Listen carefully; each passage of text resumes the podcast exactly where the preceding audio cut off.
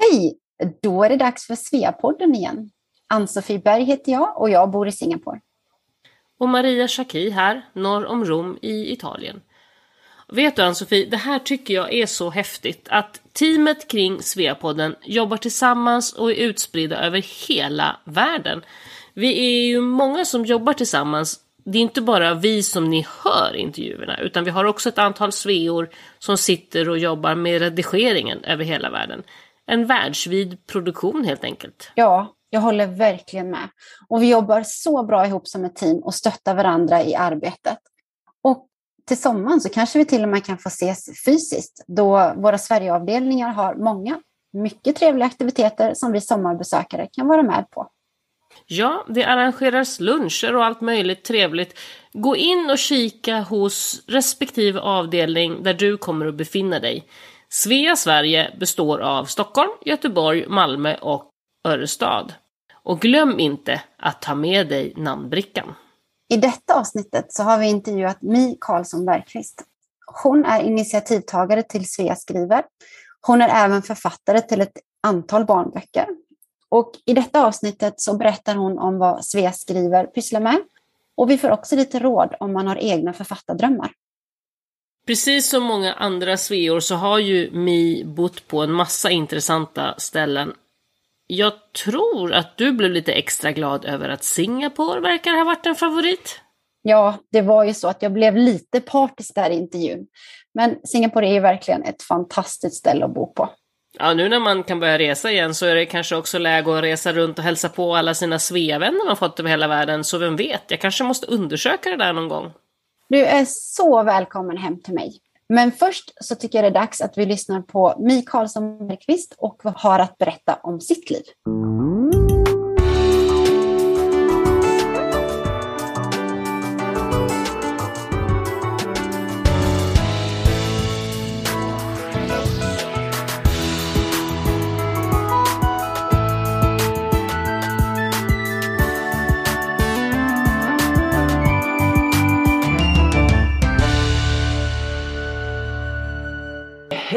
Allihopa! Jag heter Mi Karlsson Bergqvist. Jag eh, bor för närvarande i Abu Dhabi i Förenade Arabemiraten där jag har bott i fyra och ett halvt år nu.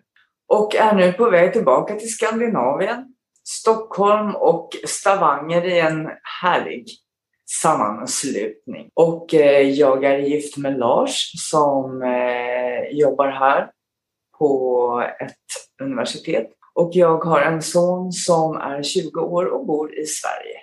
Hej Mi och välkommen till Sveapodden. Du är ju en av initiativtagarna till Svea skriver. Kan du berätta lite om det? Ja, det uppkom väl egentligen i samtal med Kristina Halmert som, eh, ja vi pratade lite om skrivande och då sa han att ja, vi är några här i Svea som, som, har, som tycker om att skriva och vi funderar på att starta en liten skrivgrupp. Är du, skulle du vara intresserad av att vara med i en sån grupp ifall det skulle bli en? Och det tänkte jag att wow, det, det verkar ju jätteroligt. Eh, så jag gjorde ett allmänt upprop på Svea Världens hemsida och frågade om det var några som var intresserade av att vara med ifall en sån här grupp skulle startas. Och döm om min förvåning och ja, glada förvåning så, så blev gensvaret så massivt. Jag tror jag inom en, ett dygn fick över hundra glada tillrop att ja, vad roligt och det här är det vi har väntat på och sådär. Så det är bara att köra igång helt enkelt. Jag kontaktade då International och fick grönt ljus från Susanne som då var ordförande tillsammans med styrelsen och de ja, vi fick grönt ljus att köra igång. Och i början av februari redan så startade eh, Svea skriver på allvar. Och det har ju gått som tåget och vi har idag, vad är det, 213 på vår hemsida eh, på Facebook som är där och eh, skriver och ja, vi har aktiviteter av olika slag så det är fantastiskt roligt detta. Eh, att ha fått sånt gensvar, att det är så många som vill vara med oss.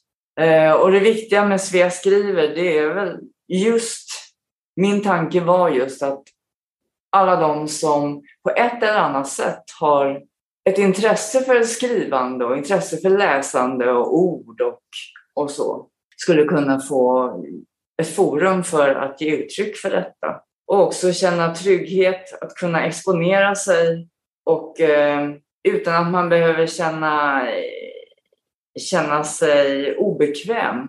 Att kunna få skriva och uttrycka sig i en, i en miljö där man är respekterad, att det finns en öppenhet och nyfikenhet inför skrivandet och inför ordet. Att kunna få, få vara sig själv och kunna ge det där lilla extra utan att känna obehag. Så att, eh, ja, jag, jag hoppas och tror att, att det är det vi, det, den tillvaro vi har skapat. Vi hoppas att det är många andra som också kommer att vilja vara med i Svea skriver. Ja, vad kul, vilken grupp! Det låter ju helt, helt fantastiskt, verkligen. Vad, vad gör ni för aktiviteter då till exempel? Ja, det är lite blandat kompott. Dels har vi en, eh, en eh, mindre skrivuppgift av olika slag. Nu har vi temat eh, Mitt bästa Svea-minne i sann VM-anda. Så att eh, ja, man får då berätta om sitt, någon, en eller flera tillfällen där man har varit med i Svea som har betytt särskilt mycket för en. Och eh, det är bara att skriva på helt enkelt. Vi har haft ett barntema. Antingen att man, några har skrivit om ett barndomsminne, andra har skrivit en fiktiv historia på barntema som vi då hade också med Svea Art. Vi har en del samarbete med dem också och det är jätteroligt. Det kan vara en skrivuppgift som du står framför ett rödljus och väntar på att det ska bli grönt. Något händer. Vad är det som händer? ja, lite sådär som alla kan vara med på och, och, skriva. Man behöver som sagt inte vara författare för att göra de här sakerna. Och man gör det i sin egen, sin egen stil och sin egen takt så att säga. Vi har också haft eh, webbinarier av olika slag. Eva Wisting som också är chefredaktör för Forum hade en sommarakademi förra sommaren där de som deltog fick med hennes vägledning skriva en novell så att ja, det finns ett brett utbud av saker. Kan man läsa någonting av det som ni skriver för oss som inte är med i gruppen då? Eh, vissa saker. Eh, vi har till exempel barntemat där vi då har samlat bidrag tillsammans då med Svea Art och gjort mm. en liten pamflett kan man väl säga. Eh, så att vissa saker kommer vi att gå ut med men det allra mesta kan man då läsa framför allt på Facebook-sidan. Bara att gå med. Ja, och det var, det var faktiskt min nästa fråga. Hur går man med? Är det via Facebook? Ja, ja mm. det är bara att ansöka om så att säga, medlemskap eller hur man nu ska inträde heter det väl. Då har ni allting på Facebook?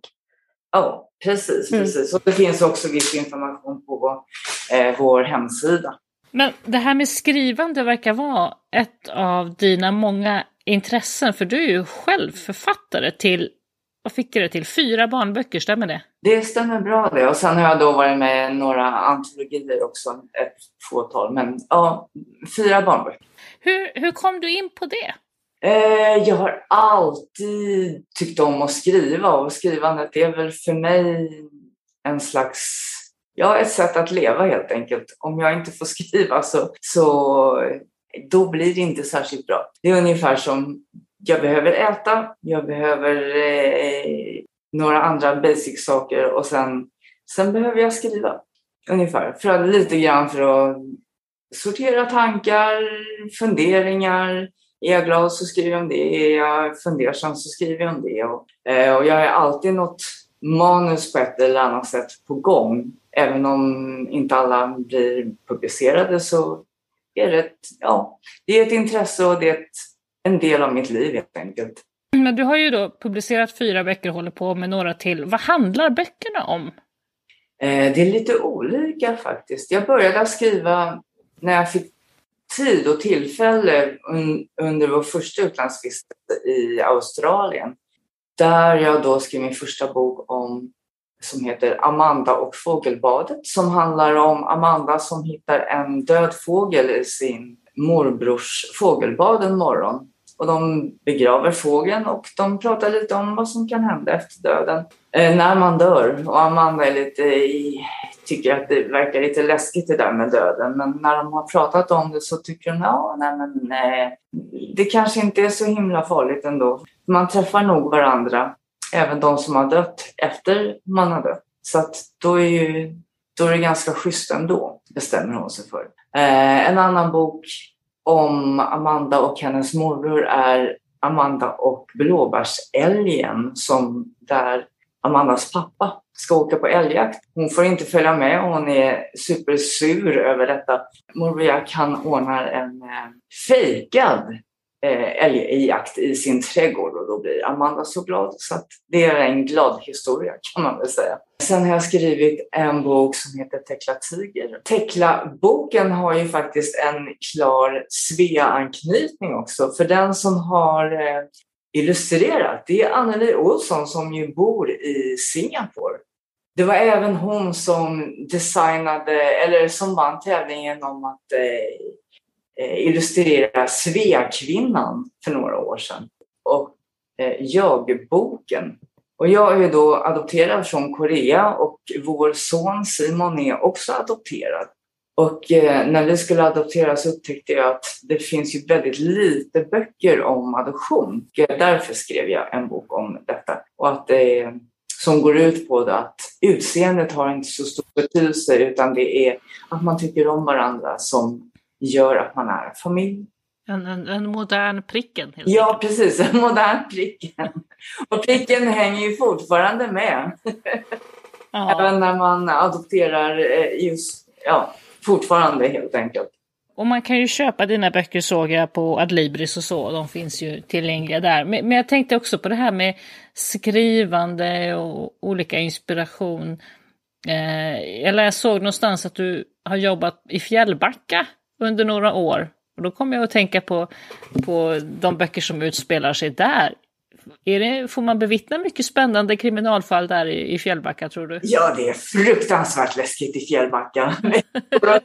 rycker efter vägg, husväggarna. Nej, men eh, Camilla Läckberg är ju en, vad ska jag säga, närvarande i Fjällbacka tillvaron och det finns Camilla Läckberg-vandringar och så vidare. Så att hon, hon finns ju där helt enkelt. Om man själv är intresserad av att bli författare, kanske man drömmer om det. Vad har du för tips?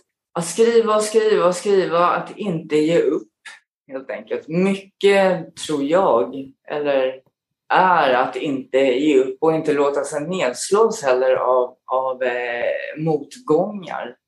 Men man får ju också ha i, i åtanke att det är 99 procent tror jag av alla de som av de manus som skickas in till förlag, de blir refuserade. Och det, kan ju, det behöver inte alltid bero på att ett manus i, i sig är dåligt. Det kan bero på att stilen inte passar in eller de, det här förlaget vill, in, ja, vill satsa på en typ av böcker och man själv har skrivit något litet annorlunda än vad de tycker. Och som sagt, konkurrensen är nog så fruktansvärt stor och i synnerhet nu efter covid när alla mm. vill skriva, skriva böcker och har suttit hemma och haft lite mera tid. Ah, och, såklart! Oj, jag har en historia som jag vill berätta. och det är gott och väl, men, men konkurrensen blir ju också, också mycket högre. Jag vill, jag vill berätta min covid-historia, den genren är ganska stor menar du? Ja, inte bara covid-historia utan historier generellt tror jag. Eh, så jag tror att Bonniers har fått, vad var det, 50-60 procent mera Oj, wow. Eh, manus sedan covid kom. Så de har ju en fruktansvärd belastning. Och så är det för de flesta förlag. Så som sagt, ge inte upp utan det finns många förlag, skicka in och eh, ja, för, förhoppningsvis kanske någon nappar helt enkelt. Mm. Du eh, säger att du är adopterad från Korea och eh, kan du berätta lite om din bakgrund, var du har växt upp i Sverige? Och... Ja, jag kom till Sverige när jag var nio månader och på den tiden då, 1971 kom jag, jag är född 70, eh, så var det så generellt att eh, Korea behöll sina barn under nio månader och sen fick man då åka iväg. Eh, och jag, vi bodde i Stockholm i två år och sen flyttade vi till Falun där vi bodde i fyra år. Och sen flyttade vi tillbaka till Stockholm igen där jag då började i skolan och sen bodde vi där fram till jag flyttade hemifrån. Ja, men jag har bott i Stockholm fram till det att vi flyttade till Australien. Mm. Vilket var då 2004 var det väl. Så det var vår första utlandsvistelse. Och hur var det att växa upp i Sverige som adopterad under den här tiden? Det var bra faktiskt. Jag, jag var väl en av de mycket, mycket få i och för sig då eh, med annorlunda utseende i min skola. Och det var väl, jag upplevde inte som någon, eller jag blev ju retad i skolan, det kan jag ju säga.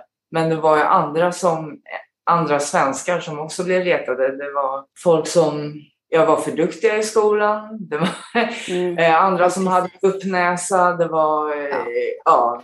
Folk som hade konstiga kläder och så vidare. Så jag, jag upplevde kanske då lite grann som att ja, jag, jag är så utsatt. Men, men sett, sett i det stora hela så, så var inte jag mera retad än någon annan. Det var ju på den tiden, jag är ju ungefär samma år. Ehm, det, ju, det var ju hyfsat konformt, alltså mm. konformiteten var ju ganska hög. Det var inte så svårt att sticka ut tillräckligt mycket för att, för, för att falla offer för dylikt, som jag minns det. Precis, precis. Ville du bli författare när du var liten också? Har du alltid velat bli det? Ja, det har jag alltid velat bli och skriva i någon form. Så att ja, det, det var ju en fantastisk möjlighet som gavs mig när vi då flyttade till Australien. Och jag fick tid och, och möjlighet till detta, att få prova på. Vi, vi har ju försökt reda ut då lite grann vilka olika länder du har bott i och då har vi just sett både Australien och Abu Dhabi. Så, så berätta, hur gick det till? Hur hamnade du utomlands? Jo, eh, det är min man som då är han gick på Handels och eh, skrev en avhandling om marknad, i marknadsföring. Och när det kom en tjänst i Australien, i Wollongong, som ligger nära Sydney, så tänkte vi, ja ska vi ta den här möjligheten? Och eh, så tänkte vi, ja, nej men vi måste ju prova. Så att då åkte vi iväg. Han tog den här tjänsten som professor i marknadsföring på University of Wollongong. Och där bodde vi i två år. Och sen kom det en annan möjlighet i Singapore på ett universitet där. Så där bodde vi i ett och ett halvt år innan det här australiensiska universitetet som då skulle öppna filial i Singapore hastigt och lustigt la ner verksamheten efter ett halvår. Eh, vilket ju var ganska oväntat kan man säga. Och det, i världshistorien i universitetsvärlden så, ja, dess like har väl, inte, har väl inte skett, men det skedde just då. Eh, så då, fick vi, då flyttade vi tillbaka till Sverige under tre år. Lars jobbade ett halvår i Seoul också innan han kom till Sverige. Men vi bodde sedan då i Sverige tre år och sen kom det en annan tjänst i Ningbo i Kina, söder om Shanghai. Så där bodde vi då i sex år. Lars bodde där i sex år och Simon, sonen och jag bodde där i fem. Sedan flyttade vi till Brunei på Borneo i ett och ett halvt år. Och sen efter Borneos, eller efter Brunei, så hamnade vi här i Abu Dhabi där vi då har bott i fyra och ett halvt år. Av alla de här länderna då, vad är det som har, vilket land har gjort mest intryck på dig? Säg Singapore. Nej jag skojar bara, jag kunde inte låta bli det, förlåt! Jag bara Säger Ann-Sofie som sitter i Singapore. Ja. förlåt. Det är vår, det skulle vara vår dröm på ett sätt att få flytta tillbaka till Singapore. Dels så tyckte vi otroligt mycket om att bo där. Dels att det inte heller blev riktigt avslutat eftersom vi så abrupt mm. var tvungna att flytta därifrån klart, på. I, under, under omständigheter som vi själva inte valde. Mm. Vi skulle gärna vilja flytta tillbaka, helt klart. Eh, och tillfälle har inte givits sedan dess. Men alla, alla ställen vi har bott på har vi tyckt om var och en på sitt sätt och har givit enormt mycket kunskaper om, om om kulturer, om levnadssätt, om tankesätt, religion och så vidare. Så vi skulle ju inte på något sätt vilja ha någon av länderna ogjorda. Jag kommer ihåg när, när eh, vi flyttade ut första gången och en eh, god vän till, till mig sa Åh, och hur vågar ni flytta iväg från Sverige? Och hur ska det gå? Och, och, och vad kommer att hända? Och jag sa till henne att ja, man kan ju tänka olika, men vi tänker att hur, hur skulle vi någonsin våga, våga tacka nej? Mm. För att eh, inte ta möjligheten när, när möjligheten till, till något nytt och spännande ges en. För händer det någonting, trivs man inte, ja då, då kan man väl ändra tillbaka. Men man kan inte ändra sig att inte ha tagit möjligheten tillfälle till att, att få uppleva något, vara nyfiken och, och se vad innebär det här landet? Åh, vad spännande! Så att, ja, sant, sant. alla länder har varit, har varit jättespännande, var och en på sitt sätt. Och då har ni haft med er sonen. Ja. Han har flyttat med i alla olika länder också. Hur, eh, hur har det varit för honom och hur har han kunnat eh, behålla svenskan? Och har det funnits skolor på alla platser till honom? Brunei tänker jag till exempel. Fanns det internationell skola där? Det fanns en stor internationell skola i Brunei, ja. Väldigt till, på ytan väldigt lyxig också. De eh, hade en fotbollsplan som var designad av den som har designat Manchester Uniteds eh, mm. fotbollsplan. Eh, det fanns en eh, aula med oh, finare teknisk utrustning än Operan höll jag på att säga med höj och sänkbart orkesterdike och allt möjligt. Simon trivdes väl inte just så bra på den skolan för den hade brittisk curriculum mm. och han var van vid IB. Och det har väl varit mestadels bra tror jag. Själva, alltså skol, skol, hans skolsituation har väl varierat för han är inte så intresserad av att gå i skolan.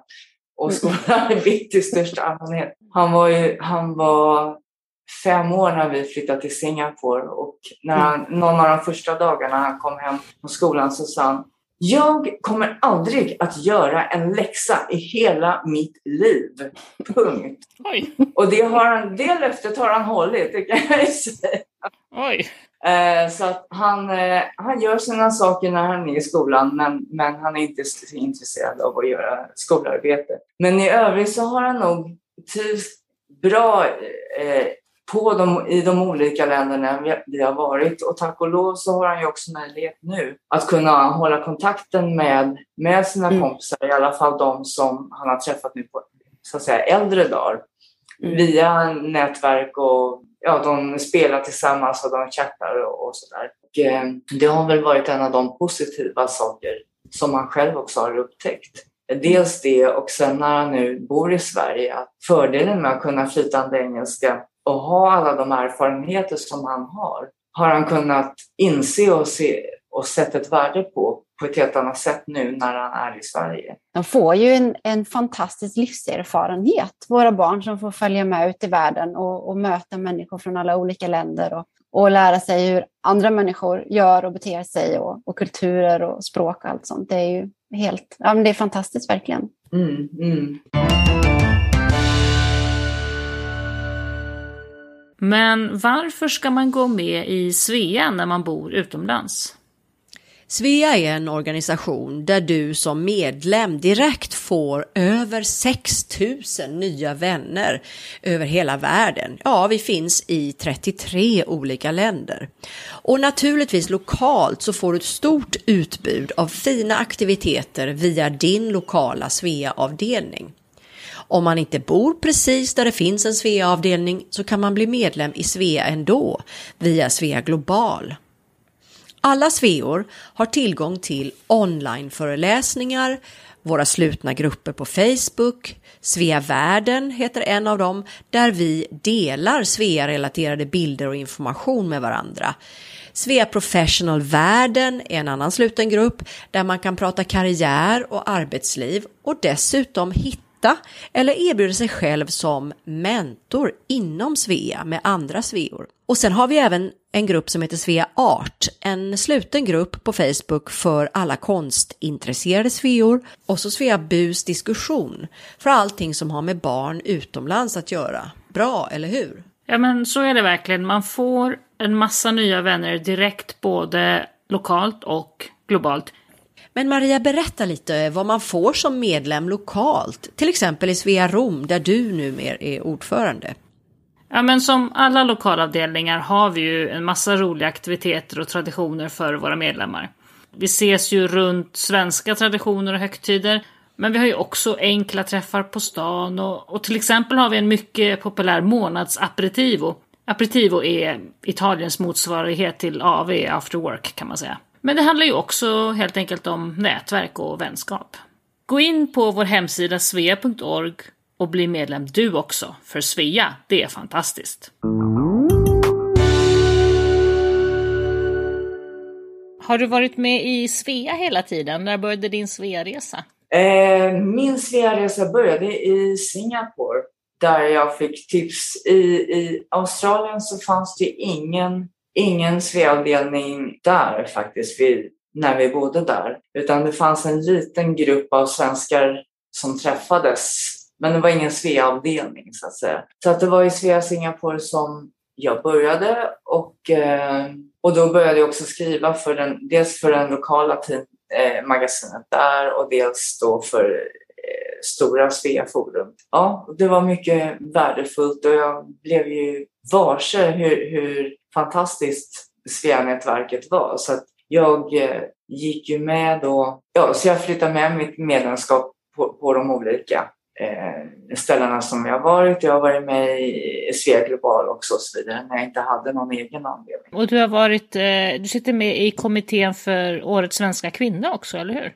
Det stämmer bra i två år och nu eh, kommer jag att vara med i eh, Pascal-kommittén Eh, och eh, börja där istället så att säga. För jag har en bakgrund då med eh, en magister i, från kulturvetarlinjen så jag har läst teater, dans och musikvetenskap, då tyckte man att det passade bra att jag var med i Pascal istället. Och sen har vi läst någonstans att det finns något som heter alltså, Manager for Sveriges Radio Symfoniorkester. Vad, vad gör du då? Jo, det är en eh, tjänst som på svenska heter orkesterinspisient. Mm. Så jag jobbade då i Berwaldhallen i Stockholm, i konserthuset där. Det är en tjänst som jag fortfarande är studieledig ifrån. Så att jag har varit studieledig där i 12 år. Och eh, inspicient innebär då en administrativ tjänst med orkestern där jag då engagerade eller eh, anställde olika eh, musiker. Antingen en vikarie för de musikerna i orkestern, ordinarie orkester som blir sjuka, eller om man spelar ett väldigt stort verk som krävde då ytterligare eh, musiker, flera än de som orkestern själva hade. Att jag då hittade dem. Man är med på turnéer, betalar ut löner och, och administrerar nyrekryteringar och sånt där. Så att, ja, det är vad är speciellt. Ja. Jag kan tänka mig att ditt kontaktnät för musiker är ganska stort. när du har... Precis, det var det i alla fall. Och mm. eh, ja, så jag har träffat väldigt många spännande människor i det jobbet. Alltifrån dirigenter till, till, till musik, lokala musiker och scenarbetare och sådär. Ja, vad kul. Saknar du det någonting nu när du inte kan jobba med det? Ja, alltså den, den kreativa andan som ständigt är i, i en orkester eller i en kulturell verksamhet av det slaget, det är ju, det är ju en helt fantastisk miljö att få, få vistas i. Den biten saknar jag kan jag sakna. Mm. Och nu så, du säger studieled, vi säger att du studerar både kinesisk och kinesisk kultur då i Ningbo, Kina. Hur hur kom de studierna till? Hur kom du in på det ämnet? Det berodde på att först var tjänstledig från eh, Sveriges Radio och Berwaldhallen och sen ändrade Sveriges Radio sina regler så att jag ansökte då om studieledighet, vilket då enligt svensk arbetsgivarlag man är berättigad till och arbetsgivaren kan inte säga nej. Och i och med att vi då vid det här tillfället var i Kina så tänkte jag att ah, jag ska passa på att lära mig kinesiska. Eh, och det, ja, då hoppade jag på en, en eh, lokal kurs helt enkelt. Och eh, jag har fortfarande, går fortfarande för min lärare i Kina och har Zoom-klasser med henne två gånger i veckan. Och eh, ja, studerar då på heltid och, för, och klämmer in lite skrivande däremellan.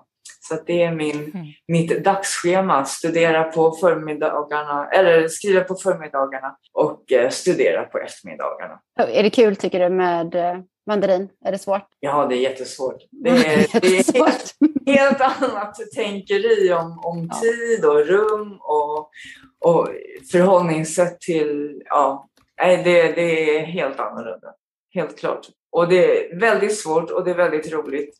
Och jag sliter mitt hår ibland och ibland så tycker jag till och med att jag förstår någonting men det kan gå över ganska snart.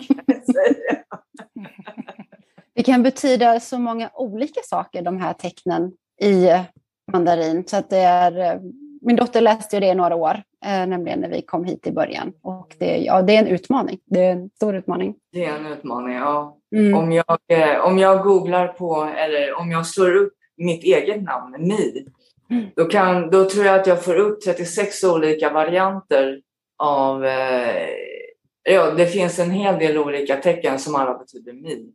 Och mm. beroende på hur man då kombinerar det här tecknet antingen med dels med betoningen och dels med de andra tecknen så kan det ju betyda en hel mängd av andra saker. Så att, ja, mm. Det är komplicerat för att ja. eh, summera det hela.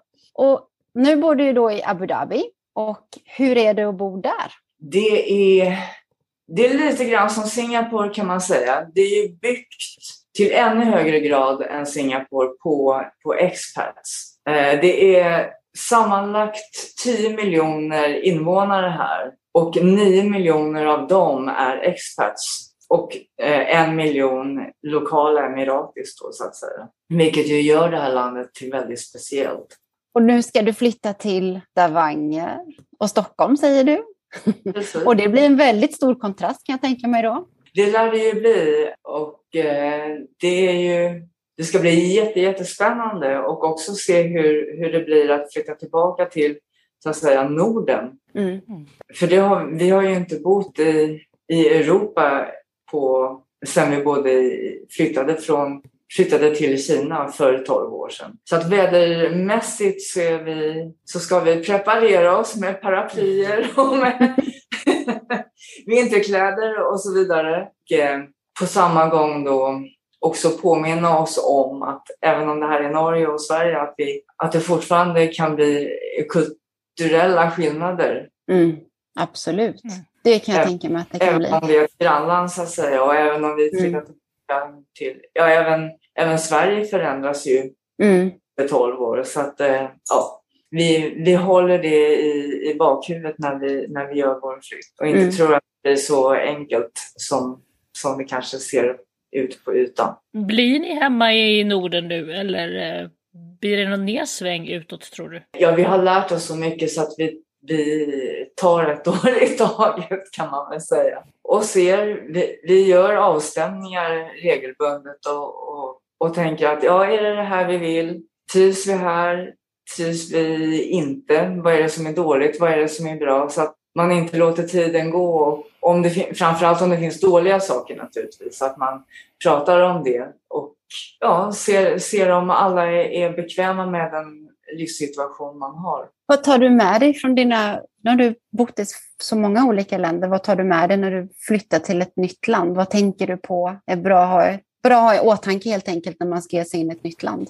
Du tänker på vad jag hur jag förbereder mig så att säga. Inför... Ja, lite så. Hur du till exempel hur du förbereder dig eller vad man tänker. Har man, har man aldrig flyttat någonstans eller man ska göra det för första gången, då är man ju väldigt grön. Då kanske man förbereder sig mycket praktiskt och sånt där. Men när man är van flytta runt person, då, då, har man kanske lite annat sådär tänk, att man har lärt sig på, på, på resan på de andra gångerna att ah, nu ska jag tänka på det här eller nu ska jag göra si eller så. Ja, det kan väl vara just det här att dels är jag nyfiken då på det landet jag, som jag kommer till. Men på samma gång också så tänker jag att ta ett steg i taget, ha en öppen approach till landet man kommer till och vara medveten om att, att det finns skillnader, små och stora och att då också stämma av med sig själv och med familjen hur, hur det funkar framöver och också kanske ha lite is i magen för att man är så himla entusiastisk när man kommer till ett nytt land och man tänker wow, ja, det här ska funka så himla bra. Och så har man lite fjärilar i magen men, men man vill ju liksom ja, att det ska funka liksom. Mm. Och att alla på något sätt går igenom samma process. Vi såg till exempel när, när vi flyttade till Kina att det var många då som, som kom som första gångs expats. Och de hade alla samma, de gick igenom allihopa samma fas. Först var det jätte, jätteroligt att flytta till Kina och de skulle lära sig kinesiska och de skulle resa i Kina och de skulle resa i Asien och de skulle uppleva så mycket. Och sen så gick det några månader och då var det öken för då hade de insett att det här var inte så himla lätt som de kanske trodde. Ja, och då var det, ja, ingen förstår vad jag säger och det är jättejobbigt när jag ska ta taxi för man hamnar fel hela tiden. Eh, och kinesiska kunde man inte lära sig på tre månader. Ska man resa utomlands, ja, nej, men då måste man ansöka om visum och, och då blir det jättekrångligt. Och sen så planar det ut då efter ett halvår kanske, då kommer man till någon slags, ja, nej, vi får väl kämpa på. Och efter ett år så kom de till någon slags konsensus att ja, nu har vi levt här i ett år och vi har ja, förstått ungefär hur, hur det fungerar här och, och kommit in i vardagslunken. Så att man måste ge det, man måste ge ett utlandsboende tid. Man måste ge ett land tid. Eh, och inte bara det att man är öppen personligt utan också att, att ta det efterhand. För man kan inte lära sig allting på en samma gång. Man kan inte omfatta ett land eller en kultur på ett halvår. Utan det, det, det tar tid. Och också att erkänna för sig själv kanske att, mm. att det är inte så lätt. Och också Eh, det är ett svenskt företag som, som har ganska många anställda här i, i, eller i UAE i Förenade Arabemiraten och när de ska ha introduktionskurs med sina Sverigeanställda så så inleder de med att be de närvarande på den här kursen att titta på sig själva och titta på Sverige och vad våra egenheter är. Och sen då föra det vidare kanske till att varje land har sin egenhet. Inte bara landet man kommer till utan svenskar har också sina egenheter. Mm. Och att man kan se alla länder i sitt eget perspektiv. Och det säger de som jobbar på det här företaget, var en riktig ögonöppnare också. För att man får, man får en större förståelse, ett vidare perspektiv på, på sina egna egenheter också som svensk, så att säga. Men det här med att resa runt och som du säger att alla ska åka runt när de kommer till Kina och så. Jag tänker Abu Dhabi låter ju jättespännande och om det är någon som är på väg och vill besöka eh, det området, har några bra tips? Vad ska man se och vad, kan, vad ska man göra? Åh, det finns ju massor att göra här. Dels Abu Dhabi har ju Louvren.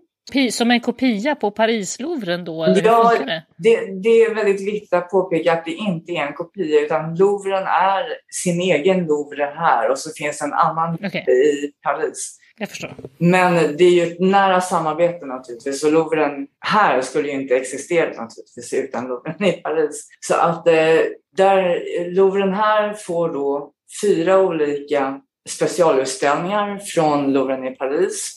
Det lånas ut då eh, olika material från, från Paris fyra gånger om året som flygs hit och från Museet d'Orsay och andra i, som har med Louvren i Paris att göra.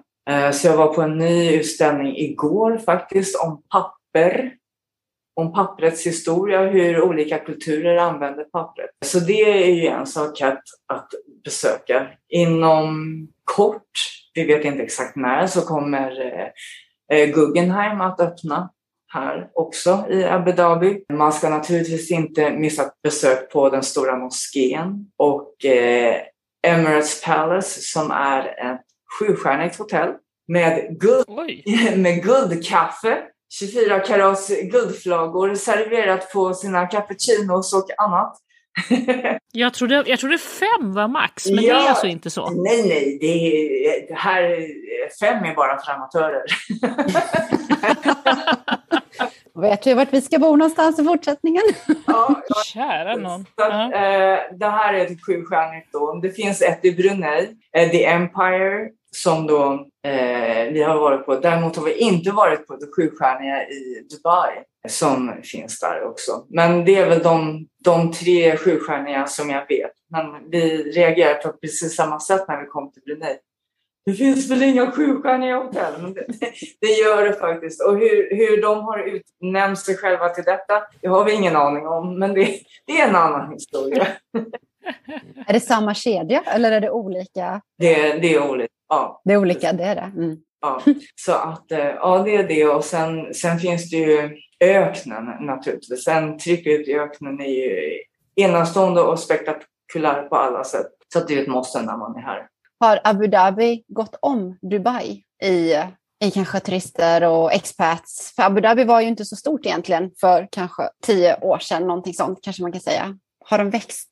När du säger alla de här sakerna så låter det som de har växt jättemycket. Nej, Dubai är fortfarande långt före tror jag. Och Mm. Abu Dhabi öppnar ju upp och försöker, och försöker dra, dra turister hit. Men eh, Dubai är ju mera ja, ledarna fortfarande inom, inom turismen. Mm. Eh, Men, eh, och det är väl lite konkurrens också mellan Dubai och Abu Dhabi. Som Abu Dhabi är ju huvud, huvudstaden i UAE så att säga. Mm. Men eh, är fortfarande steget efter. Nu öppnades en, en, eh, ett akvarium här i Abu Dhabi för ett halvår sedan var det väl. Som då är det största i Mellanöstern i alla fall. Det är viktigt att man ska vara det största på något sätt. Eller, eh, ja. Eh, och sen kommer vi här i Abu Dhabi att få vår egen skidbacke. Dubai har ju haft sen, en sedan länge. Ni i Singapore har ju eran backe också. Mm. ja, det är viktigt att ha i tropikerna och i värmen. Ja, självklart, självklart. Allt annat är uteslutet. Eh, det förstår man ju. Vi saknar det sjustjärniga hotellet dock. Det, det får vi jobba på här. Ja, det får ni jobba lite på. Det, det, det är förfärligt faktiskt. Faktiskt. Ja, nej, så det kommer att öppna en, en skidbacke här inom kort och den kommer väl då att vara lite större antagligen och lite längre än den i Dubai. För allt annat är ju uteslutet. Precis, såklart. ja. Och du som författare då, förutom dina egna böcker, läser du mycket själv och vad har du för tips på böcker? Oh, jag läser inte alls så mycket som jag borde göra. Eh, jag är med i en bokklubb här Eh, och det har ju varit väldigt, väldigt bra för jag dels har fått läsa väldigt mycket böcker som jag inte skulle ha fått läsa annars och dels överhuvudtaget att, att läsa. Och det är väl en liten svaghet att jag inte ger mig själv tillräckligt mycket tid att läsa för det är ju dels inspiration och dels liksom, ja, få ytterligare perspektiv, andras perspektiv på skrivande och eh, livet. Men vad ligger på dina... Vad är de bästa böckerna just nu som du har läst den sista tiden tycker du? Eh, jag har läst eh, Daniel Bergman, eh, hans senaste bok där han för ett samtal med sin dotter. Han är ju, har ju MS, så han skriver om eh, Ja, kon- konverserar med, med sin dotter helt enkelt och berättar om, om sitt liv och, och deras, eh, sina föräldrars Är det den här som heter Hjärtat? Precis, precis. Otroligt gripande och välskriven och på alla sätt. Ja, en bok som jag kommer att bära med mig länge. Likaså hans halvsyster Linn Ullmans eh, de, eh, oj jag är så dålig på att komma ihåg titlar. Eh, de oroliga heter de väl? Det, det, det är oroliga, ja precis. samma, ja, lite samma stil kan man väl säga. En otrolig kontroll båda två över, över språk och, och hur, hur de uttrycker sig. Och en, en eh, historia som är nära en på något sätt. Närvarande och eh, ja, en, en, en historia som man bär med sig helt enkelt. Och sen läser jag dramer. Så nu har jag börjat ge mig på mina kära Ibsen, Ibsen-dramer igen. Dels för att jag då har min eh, huvudämne i teaterskap och älskar att läsa dramatik. Eh, och dels då för att fräscha upp eh, mina norska dramakunskaper inför Stavanger. Ja, men Mi, då får vi tacka så jättemycket för att du var med i Sveapodden och önska lycka till med flytten tillbaka till Norden och Stockholm och Stavanger och allt sånt där hoppas att det blir jättebra. Ja, tack för att jag fick vara med. Och, eh, ja, allt, allt gott till alla sveor runt om i världen. Vårt eh, nätverk är fantastiskt. Det har jag haft jättemycket glädje av under alla mina år som Svea-medlem. Tack så jättemycket Mi.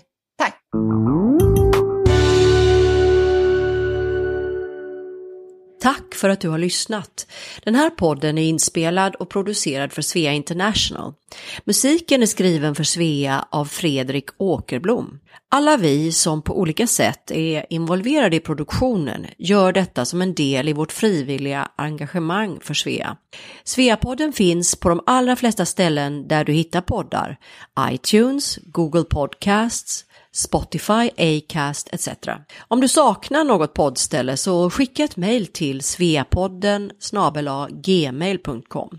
Mer information om Svea hittar du på vår webbplats svea.org och i sociala medier så finns vi på Facebook, Instagram och LinkedIn och där hittar du oss som Svea International.